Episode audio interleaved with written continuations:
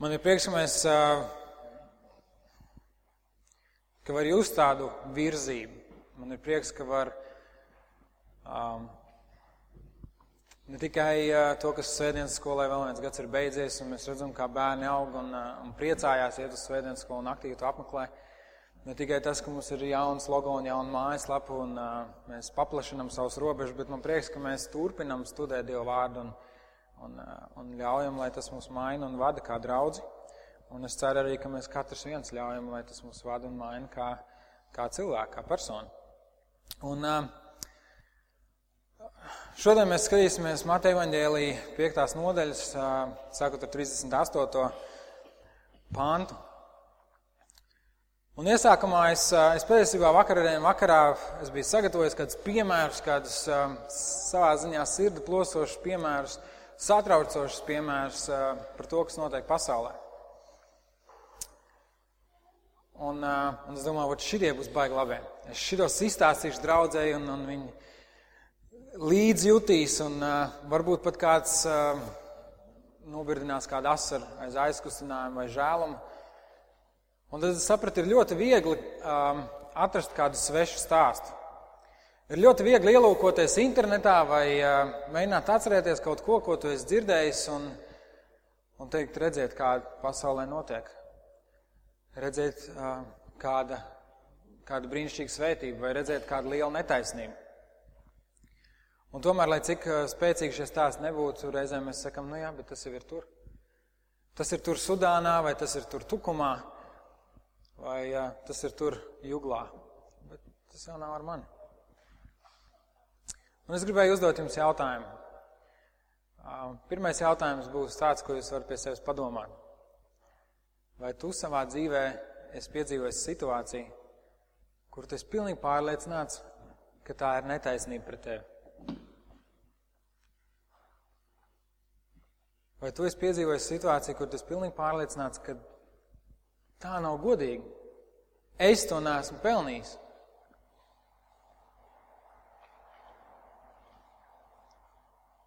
Mēģini atcerēties.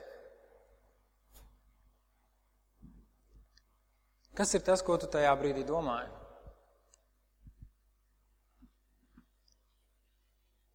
Vai tās bija dusmas, kur tu saki, es to nebiju pelnījis? Tā ir netaisnība. Es tev tulīt parādīšu.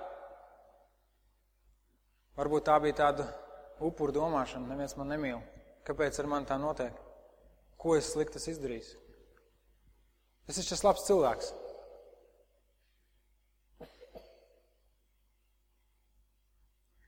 Aizvadītā nedēļa man bija mācība nedēļa, un um, mēs tagad um, nu, jau vairāk kā mēnesi dzīvojam Sarkandalgovā, un tad es no Sarkandalgovas, pateicoties brīnišķīgiem laikam, kas ir ārā ar, ar velosipēdu, varēju doties uz skolu. Un uh, paldies uh, Rīgai, kur ir veloceliņi izveidot. Bet ar visu to, uh, tā nokļūšana, ceļš, es ļoti kādu ilgu laiku neesmu braucis ar velosipēdu, tā nokļūšana uz skolu ir nu, ļoti aizraujoša. Un, eh, un, eh, un gadās situācijas. Un es braucu, un eh, tas gan bija atceļā jau no skolas, un, un tas bija sastrēguma laiks, un es braucu ar velosipēdu un es gaidu pie sarkanās gaismas. Un es negribu teikt, ka es esmu baigi pareizi, bet es gaidu pie sarkanās gaismas. Un tur tās mašīnas sabrauc un sabrauc, jo tur ir sastrēgums. Un tagad man iedegās zaļā gaisma, bet tur, kur man ir jābrauc, priekšā ir Rīgas satiksmes mikroautobus. Un tas nav tā, ka zin, gāja pārējai ir nezinu, cik 2-3 metri, bet mikroautobus viņš ir priekšā manam ceļam, tur, kur man ir jābrauc ar zaļo gaismu, man ir visas tiesības. Un es domāju, nu labi, viņš nepareiķināja, ka viņš nevarēs izbraukt krustojumu, viņš nedaudz pārsteidzās iebrauc. Nu labi, es apbraukšu viņu apkārt, es viss kārtībā, es apbraukšu apkārt, cilvēki gāja pa aizmuguru busiņam, es braucu pa priekšu. Tajā brīdī, kad es sasniedzu busiņu priekšu, viņam priekšā atbrīvojās laukums, un viņš izdomā, ka viņš tagad brauks. Un es viņam esmu tieši priekšā, un viņš uzspiež uz tauras un sāk pīpināt, un kaut ko vicina tur, un kaut ko saka, es nedzirdēju, ko viņš teica. Un es domāju, bāc! Es jau tik, tikko saņēmos, lai tev neko nepateiktu, ka tu esi pārkāpis noteikumus un iebraucis krustojumā, tad, kad tu to nedrīkstēji darīt. Un tu man vēl pīpini? Tāda netaisnība, un, un, protams, tajā brīdī, kad es braucu, viņš man uzpīpina, es salecos uz tā riteņa, es nolecu nost, es apgriežos pretī, es saku, kas tu galīgi, un es nezinu, ko teikt, jo man iekšā vārās tāda netaisnība. Viņš pārkāp noteikumus, un viņš man vēl pārmet ārprāts. Un es vienkārši, tāpat kā tagad, es vienkārši zaudēju savaldību. Un, ja es pareizi atceros, es neko rūpju nepateicu. Bet tā, Tā ir tāda netaisnība. Un nākamajā dienā, man liekas, bija nedaudz sliktāks laiks, vai kā, un es braucu ar mašīnu. Un, nu, tagad es esmu pārslēdzies no velosipēdas uz autovadītāju, un es braucu kādā vietā, kur ir veloceliņš. Un, ne visur veloceliņiem ir luksofori. Un es griežu, un pēkšņi es redzu, ka nesāsies. Pats, tu neredzi, ka es braucu? Tev nav luksofors. Tu neredz, es braucu, un tu, man tagad ir vēl jāskatās, nepietiek jau gājējiem neapdomīgi.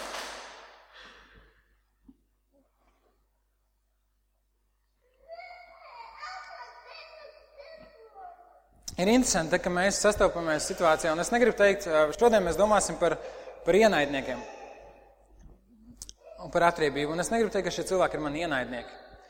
Bet ir interesanti tas, ka tad, kad mēs redzam kādu situāciju, mēs viņu filtrējam caur sevi. Es esmu notikumu centrā. Es esmu notikumu centrā. Un šķietam netaisnību mēs uh, reizēm cenšamies to atbildēt. Es aicinu, ka varam iestīties Mātei Evanģēlī 5. nodaļā, 38. pantā. Un tur ir teikts, jūs esat dzirdējuši, ka ir sacīts aci pret aci un zobu pret zobu. Bet es jums saku, nestājieties pretim ļaunumam, ja kāds tevi sit pa labo vaigu, tam pagriez arī otru. Kas grib ar tevi tiesāties un ņemt tavu kraklu, tam atdod arī virsdrēbes. Ja kāds tevi spiež iet vienu jūdzi, pāri ar to divas. Dod tam, kas tevi lūdz, un nenovērsies no tā, kas no tevis grib aizņemties.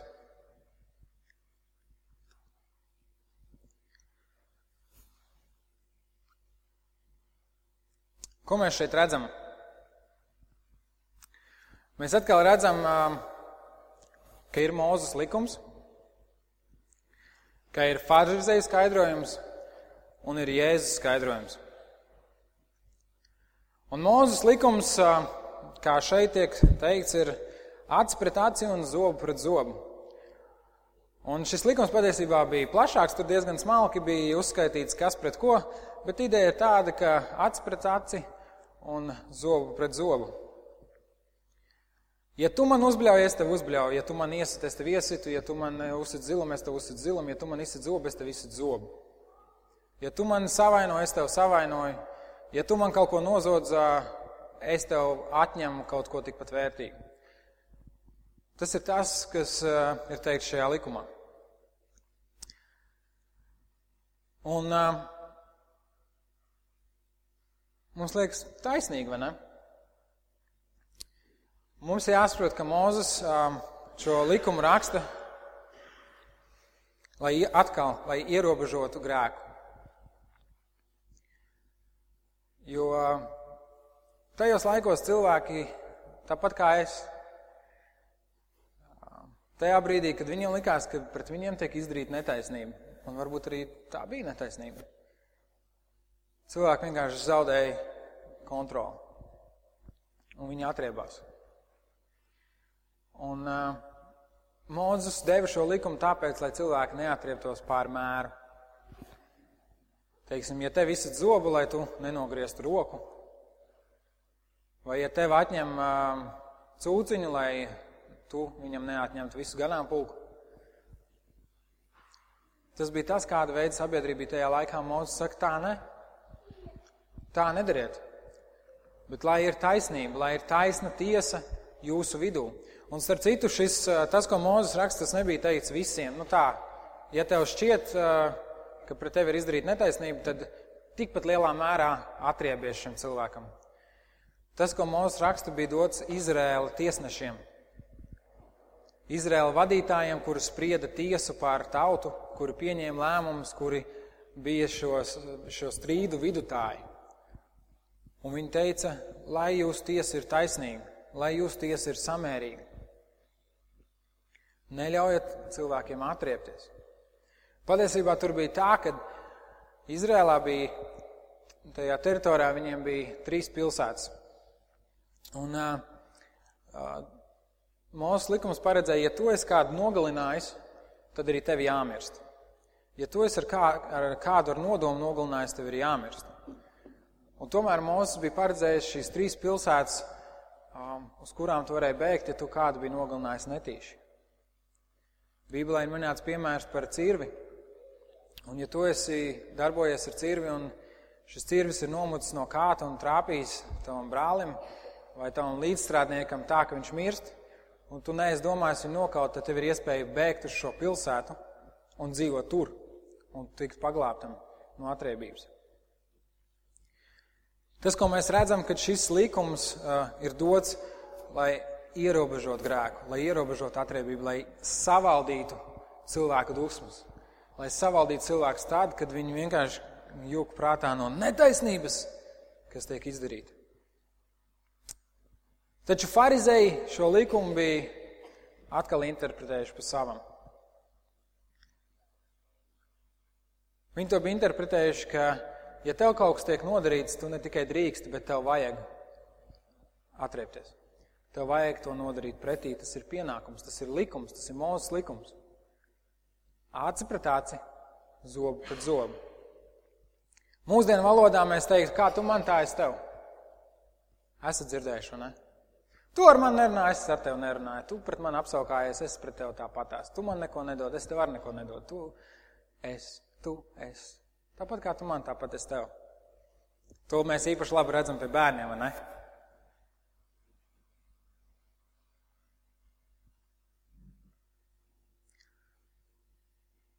Taču Jēzus šeit um,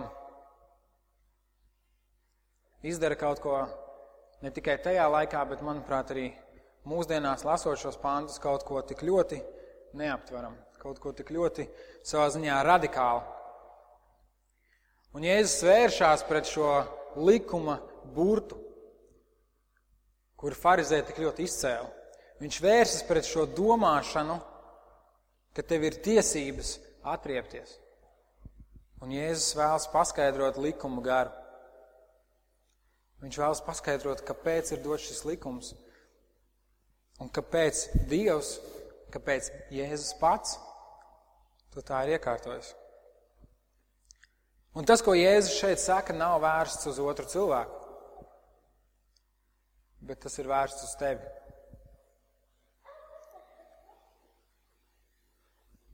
Atriebība vienmēr ir saistīta ar tiesāšanu, ar spriedumu izdarīšanu. Viņš to ir pelnījis. Viņš man nodarīja pāri, tā ir netaisnība pret mani. Tā nav godīga. Es to neesmu pelnījis. Kāpēc tā? Mēs pieņemam tiesas lēmumu. Tu man izdarīji tā, To es pelnīju, ka es tev izdaru citādi. Vai tā? Vēl vai vairāk? Tu par mani pateici sliktu lietu, es tev tūlīt parādīšu. Visa pasaule zinās, ko tu esi darījis.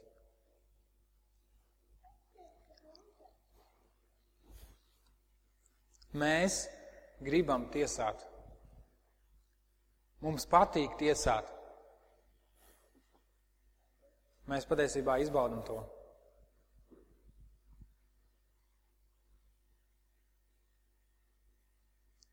Un šie mūsu paštaisnie spriedumi ir iemesls, kāpēc Jēzus saka šos vārdus. Jūs esat dzirdējuši, bet es jums saku. Kā tu man tā es tev, nedrīkst būt kristiešu domāšana.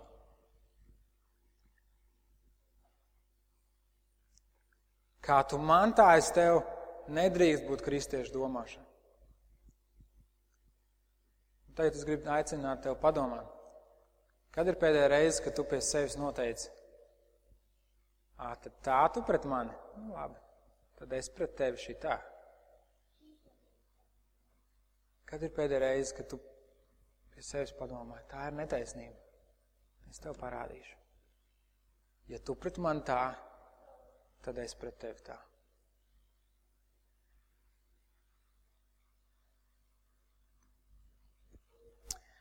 Dievs ir tiesnesis. Dievs ir taisnīgs tiesnesis.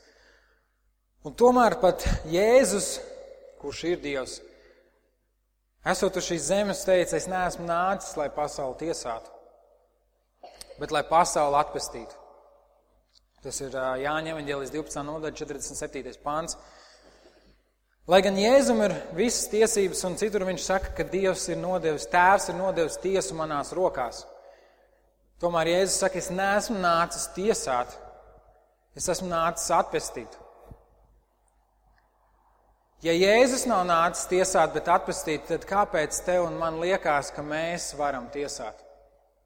Ka mums tas būtu jādara, ka tas ir pareizi, ka tas ir taisnīgi.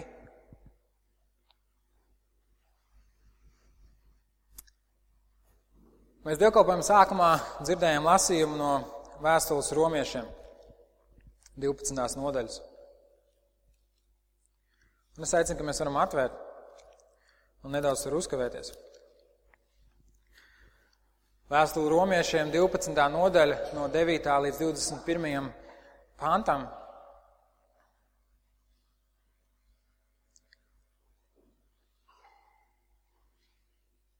Vēstule romiešiem 12. nodaļa no 9. līdz 21. pantam. Pāvils raksta, jūs mīlestība, lai ir neliekuļot. Nīstiet ļauno. Nīstiet ļauno. Ir kāds no jums, pak, pak, pak, šķiram atpakaļ, šķiram atpakaļ. Nestājieties pretī ļaunumam, saka Jēzus, un Pāvils saka, nīstiet ļauno. Kā? Kā tas ir?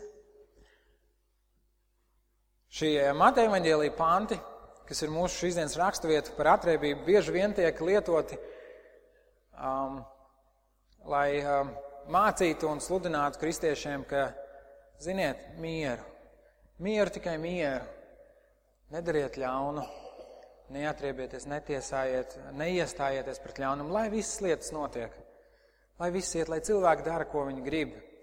Jums Dievs ir mācījis, ka jums, jums ir jādara labs, jums ir jāsvētī, jums ir jārū, jālūdz par saviem ienaidniekiem.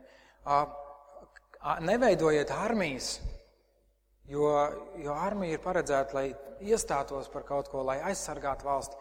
Tas nav kristīgi, tas ir nepareizi. Neveidojiet policiju, jo policija ķer noziedzniekus, kas ir ļauni, un, un Bībele māca, ka mums tas nav vajadzīgs.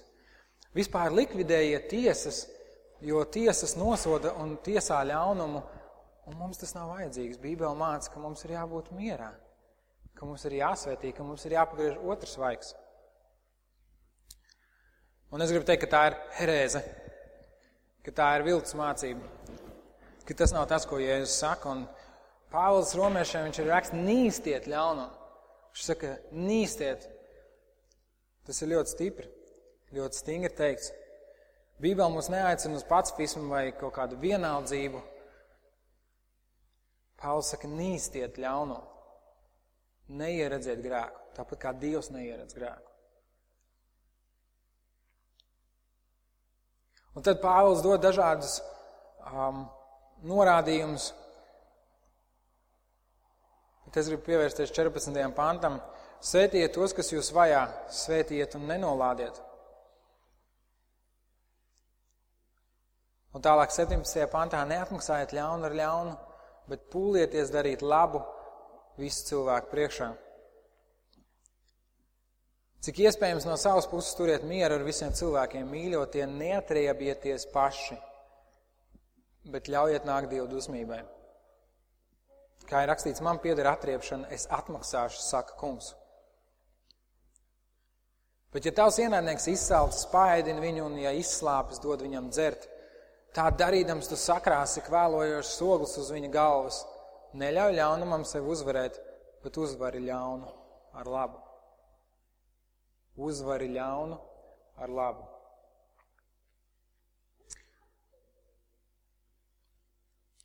Tas, ko mēs lasām Mateja evaņģēlijā, kur Jēzus saka, nestājieties pretī ļaunumam. Tas nenozīmē, ka mums nevajag iestāties par taisnām lietām. Tas nenozīmē, ka mums nevajag pacelt savu balstu tad, kad mēs redzam kādu netaisnību vai ka kāds tiek apspiests.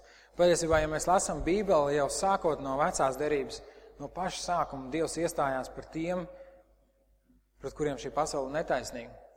Pret atraitnēm, pret bāriņiem, pret veciem cilvēkiem, tiem, kuri nespēja par sevi parūpēties. Mēs redzam, ka Jēzus viņš iet ar tiem, kurus sabiedrība ir izstūmusi. Jēzus iestājās par taisnību.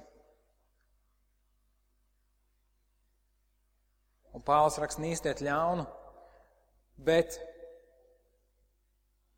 bet neļaujiet ļaunumam sev uzvarēt, bet uzvara ļaunu ar labu. Tas nozīmē, ka neļauj, lai ļaunums tevi pārņem. Nekļūsti tāds pats kā šie cilvēki.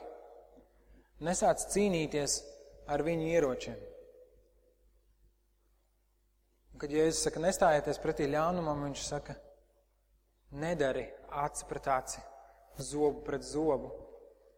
Jo ļaunums vairo ļaunumu, un viena atriebība prasa nākamo atriebību. Un tas ir nebeidzams cikls, kas kā spirāli tik paliek arvien lielāks un arvien briesmīgāks. Un Dieva vārds saka, uzvara ļaunumu. Uzvara ļaunumu, bet ar labu. Nevis ar ļaunu pret ļaunu, bet ar labu pret ļaunu. Es nezinu, kā tas būtu, ja man uz galvas būtu kvēlojošs oglis. Vai tas būtu kaut kas ļoti patīkams, ko es varētu teikt? Redz, kā man mīļie brāļi, kristieši man Viņi pret mani patīkami dara, saka, salika man ogles uz galvas. Tas ir kaut kas tāds, kas ir tieši, tā ir tieša vēršanās pret ļaunumu. Un Pāvils dod piemēru, un arī Jēzus dod piemēru. Viņš saka, ja kāds ar tevi grib tiesāties, ja kāds no tevis grib kaut ko izspiest, Jēzus saka, nošakē šo cilvēku. Viņš saka, nošako savu cilvēku un iedod viņam dubultā.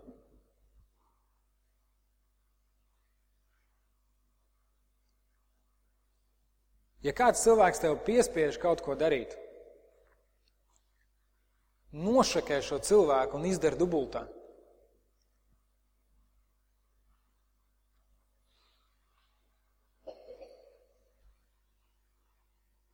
Jēzus pilnīgi pavērš šo farizēja interpretācija par 180 grādiem.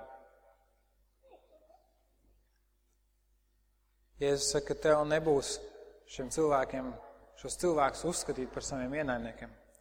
Tev nebūs viņiem stāties pretī, ar viņiem cīnīties, jo Dieva vārds saka, ne pret miesu un asinīm mums jācīnās. Ne pret cilvēkiem mums ir jācīnās, bet pret šo cilvēku grēku.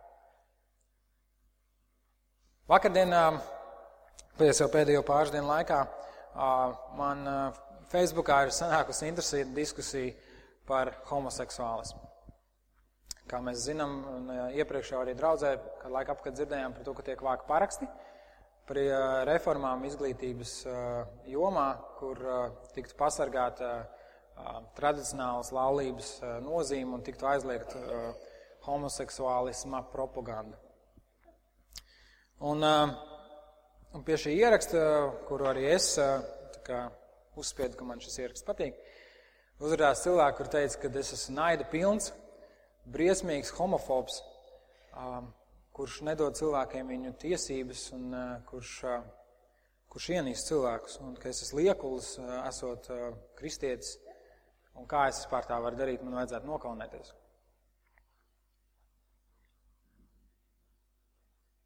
Un uh, es nevienā brīdī uh, nevērsos pret šiem cilvēkiem.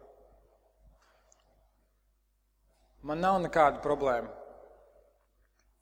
jo mums katram ir savs grēks. Un uh, viens cilvēks, kurš grēko citādāk nekā es, tāpēc nav sliktāks. Tomēr šis cilvēks grēko.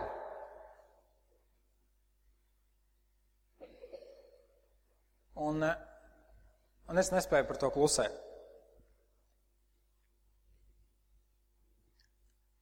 Un es ticu, ka Dievam šie cilvēki ar netradicionālu orientāciju ir ļoti dārgi, jo Viņš viņus veidoja un Viņš viņus radīja. Tomēr Dievam ļoti riebjās viņa dzīvesveids. Dievam ļoti nepatīk tas grēks, kādā viņi ne tikai dzīvo, bet kādu viņi sludina.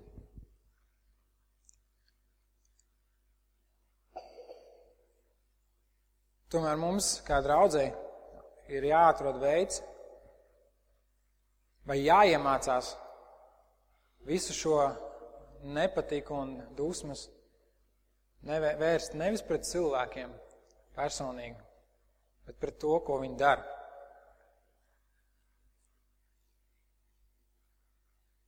Un tāpēc Dieva vārds saka, ja tavs ienaidnieks ir izsaucis, paēdini viņu. Ja viņš ir izslāpis, dod viņam dzert. Neļauj ļaunumam sevi uzvarēt, bet uzvar ļaunu ar labu.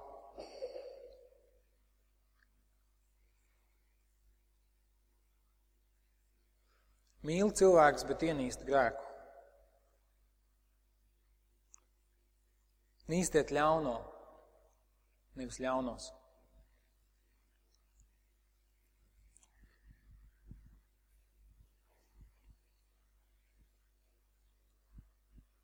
Es gribu, lai jūs vēlreiz padomājat par, par to netaisnību savā dzīvē, par ko jūs padomājat svētdienas sākumā. Es ceru, ka jūs padomājat.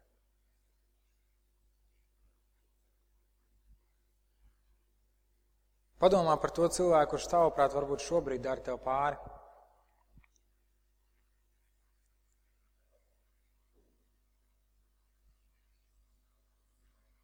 Un tad padomā, ko, uz ko Dievs tev aicina.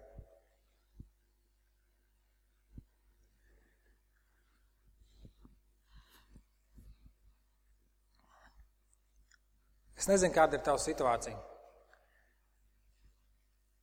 Pēc um, šiem atgadījumiem uz ceļa satiksmē es pabraucu kādu gabalu uz priekšu un es domāju, es gan esmu, piedodiet, bet idiots. Es iedomājos, kā būtu, ja šis mikroautobusu šoferis šo svētdienu ienāktu baznīcā. Viņš tur aizmugurē stāvētu un teikt, pagaidi, pagaidi, pagaidi. Tu tur priekšā stāvi un runā par svētību, par neatriepšanos. Es atceros, ko tu man trešdien tur parādīji un pateici. Un tā ir tāda muļķīga situācija. Tas bija tikai sadzīviska lieta, esot satiksmē. Un es nezinu tavu situāciju. Kāds ir tavs pāri darījums, ko tu piedzīvo? Iespējams, ka tas ir daudz nopietnāks, daudz sarežģītāks, daudz smagāks.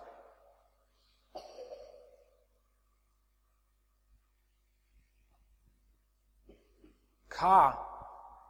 Kā? Lai es svētītu to, kurš mani nolāda.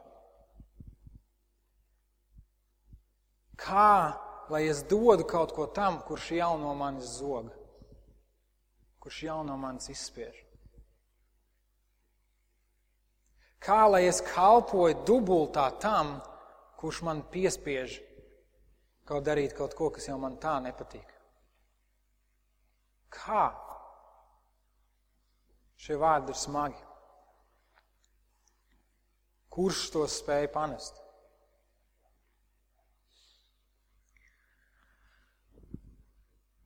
Kristus ir taisnīgs tiesnesis.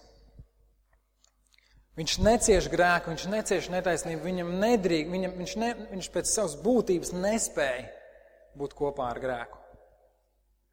Tā nav tikai tāda neapmierinātība, tas nav tikai tāda nesavaldība, kuru mēs piedzīvojam kā cilvēki, bet tas ir kaut kas, ko viņš kā Dievs nespēja.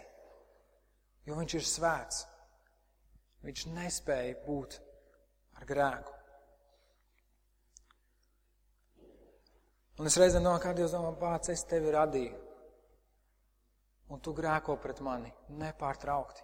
Un tas nav tikai viens cilvēks, tie ir septiņi miljārdi cilvēku kuri grēko pret viņu nepārtraukti. Es domāju, kā Dievs šo netaisnību spēja panest. Un ne tikai panest, bet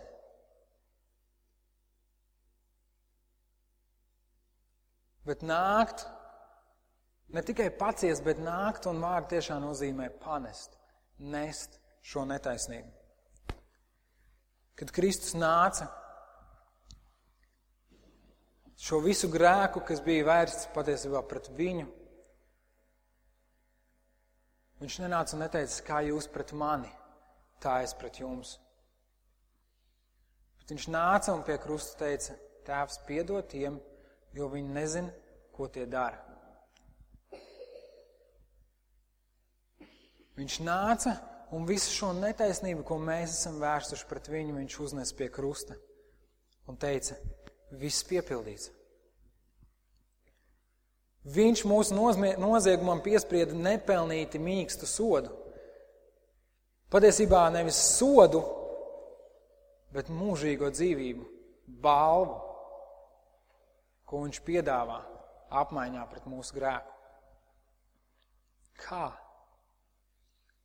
Kā tas ir iespējams?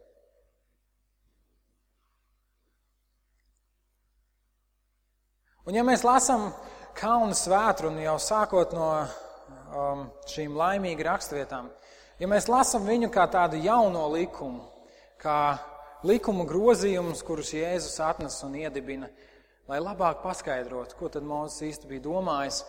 Ja mēs to lasām, mēs sakam, ok, te ir skaidrs, Jēzus to paskaidro, es tagad to iešu un izdzīvošu, un ja mēs savā spēkā to cenšamies darīt, tas, tas ir pilnīgi muļķīgi. Tas ir pilnīgi neiespējami. Jēzus Kalnas vētruni iesāka ar vārdiem svētīgi garā nabagi. Svētīgi garā nabaga, laimīgi garā nabaga. Laimīgi ir tie cilvēki, kuri atzīst un saprot, ka savi, savā spēkā, ar to savu, kas viņiem ir, viņi nespēja to izdzīvot. Un viņi nespēja to piepildīt, un tāpēc viņi ir svētīgi, jo viņi atzīst vajadzību pēc kunga. Viņi atzīst vajadzību pēc glābēja. Viņi atzīst vajadzību pēc kāda, kurš dod spēku to pie, kurš padara iespējamu izdzīvot to, ko viņš vēlāk stāst un par to, ko mēs studējam Kalnu svētrunā. Tas ir iespējams cilvēkam, kurš ir kļuvis par Kristus sekotāju. Tas ir iespējams cilvēkam, kurš caur Kristus upuri ir pieņēmis grēku piedošanu.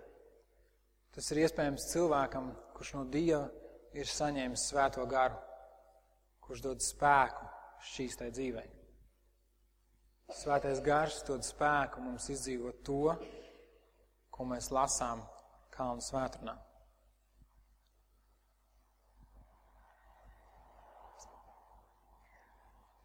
Un tas ir atgādinājums mums visiem. Šī svētruna par eh, laimīgu garā nabaga bija jau janvārī, ja nemaldos, vai februārī. Krietni laika atpakaļ, sen. Mēs varam aizmirst. Tas ir atgādinājums mums visiem. Kad es skatos uz šiem pantiem, es domāju, bet kā? Ja es nespēju neatriepties un, nepagri, un, un, un nedusmoties un, un netiesāt mikroautobusu šoferi, kurš ir tik vien kā nosprostojis manu ceļu, kā es varu svētīt to, kas man vajā. Tas man atgādina to, ka es to varu Kristus spēkā. Tajā brīdī tas man atgādina vērsties pie Kristus un teikt, Dievs, es nespēju. Un tā es jutos. Pabraucot tālāk pāris metrus, domāju, pāts. Tāds sīkums, un es nespēju. Kristu pat tādās mazās lietās bez tevis es nespēju. Bez tevis es nespēju. Un ja tas cilvēks ienāk šodien šeit, baznīcā, tas ir vienīgais, ko es varētu pateikt. Tu tikko piedzīvoji, ka bez Kristus es nekā nespēju. Un tieši tāpēc es esmu draudzē, tieši tāpēc es esmu kristietis, ka man ir vajadzīgs Kristus. Kas ir tava situācija? Ar ko tu sastopies?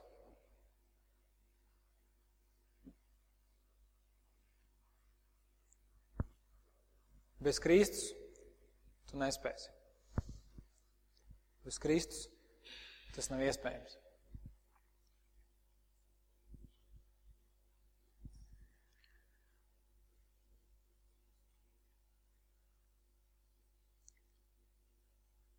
Es aicinu, kad uh, nākamās dziesmas laikā, kas būs uh, tagad pēc svētrunas, ka ja tev ir, tev ir sirdī šī, šī nasta, šis smagums, tu saki, pāc, es nespēju. Ka tu to vari nolikt Dievu priekšā. Ka tu vari teikt, Kristu, šī mazā vai šī milzīgā lieta, es to nespēju. Es nespēju darīt to, uz ko tu man aicini. Ņem mani un pārveido. Tu dod man spēku. Ja tev ir sajūta, ka tu vēlēs, lai kāds kopā ar tevi lūdz, es aicinu, ka tu vari griezties pie savu blakus sēdētāju. Tu vari griezties, teikt, klausies, brāli, māsa, lūdz par mani, jo es nespēju. Bet es gribu, jo tas ir tas, uz ko Kristus man aicina. Un Kristus ne tikai aicina, bet viņš ir devis visu nepieciešamo, lai es tā varētu dzīvot. Varbūt tu šeit šodien sēdi un domā, es nekad tā īsti līdz galam, nekad Kristum neesmu uzticējies. Es nāku uz draudzi, es cenšos lūgt, cenšos lasīt Bībeli un, un man nesanāk. Es lasu to, kas ir rakstīts Kalnu svētrunā, un es cenšos no visa spēka, bet man nesanāk. Šajā brīdī varbūt tu domā, bāt, jā, Kristus. Kristus ir tas, kas man ir vajadzīgs. Kristus ir tas, ko es meklēju. Un ja tev nekad šī atklāsme pirms tam nav bijusi, un ja tu neesi tādā veidā kļūst par Kristus sekotāju, apzinoties savu atkarību no viņa, tad es aicinu, ka šodien tu vari pieņemt izvēli. Šodien tu vari pieņemt izvēli vērsties pie Kristus un teikt, Kristus, es vairs necentīšos pats savā spēkā darīt to, ko tu esi pateicis, kas ir neiespējami. Kristus, vairs necentīšos tēlot pareizi cilvēku un labu kristieti ar saviem darbiem, bet es uzticos Tev, ka Tu dos man spēku. Un ja Tu esi šis cilvēks, un Tu vēlies lūgt, um, man lūkšana nav labāka nekā Tavu lūkšana, bet, um, ja Tu vēlies nākt par to parunāt un lūgt, Tu nāk pie manis, Tu nāk pie Markus, es Tev iedrošinu, es Tev izaicinu uz to. Tā ir tava iespēja. Bet vienu es tev varu apgalvot. Bez Kristus tu to nespēji. Lūksim Dievu. Mīļais debes Tēvs, es um, ļoti lūdzu, ka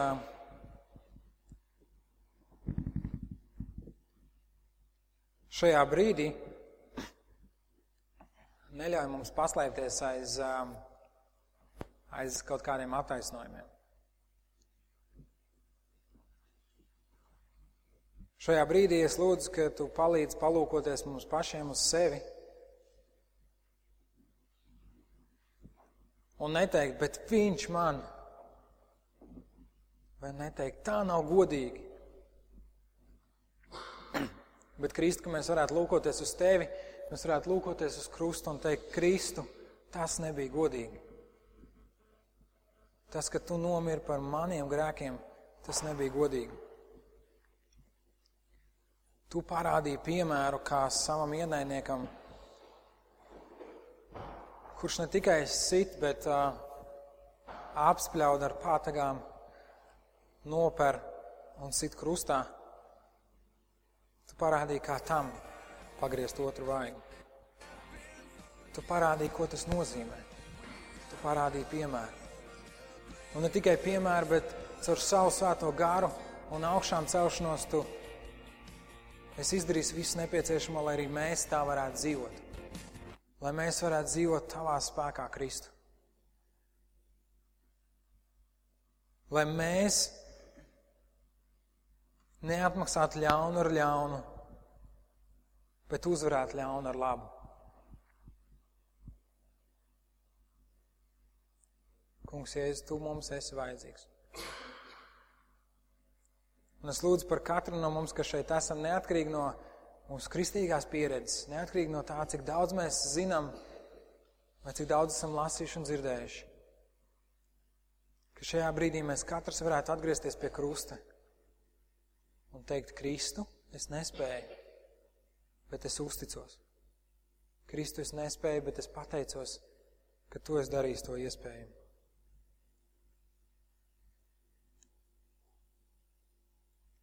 Kristu vadi mūs uz grēku nožēlu. Un, mīļais Dievs, nākamreiz, kad es sastapšos ar kādu mikroautobusu vadītāju vai rinda ar kādu cilvēku, kurš iešmauc, kurš krāpjās, kungs, Jēzus, palīdz man atcerēties, ko tu man esi darījis. Jēzus vārdā. Āmen.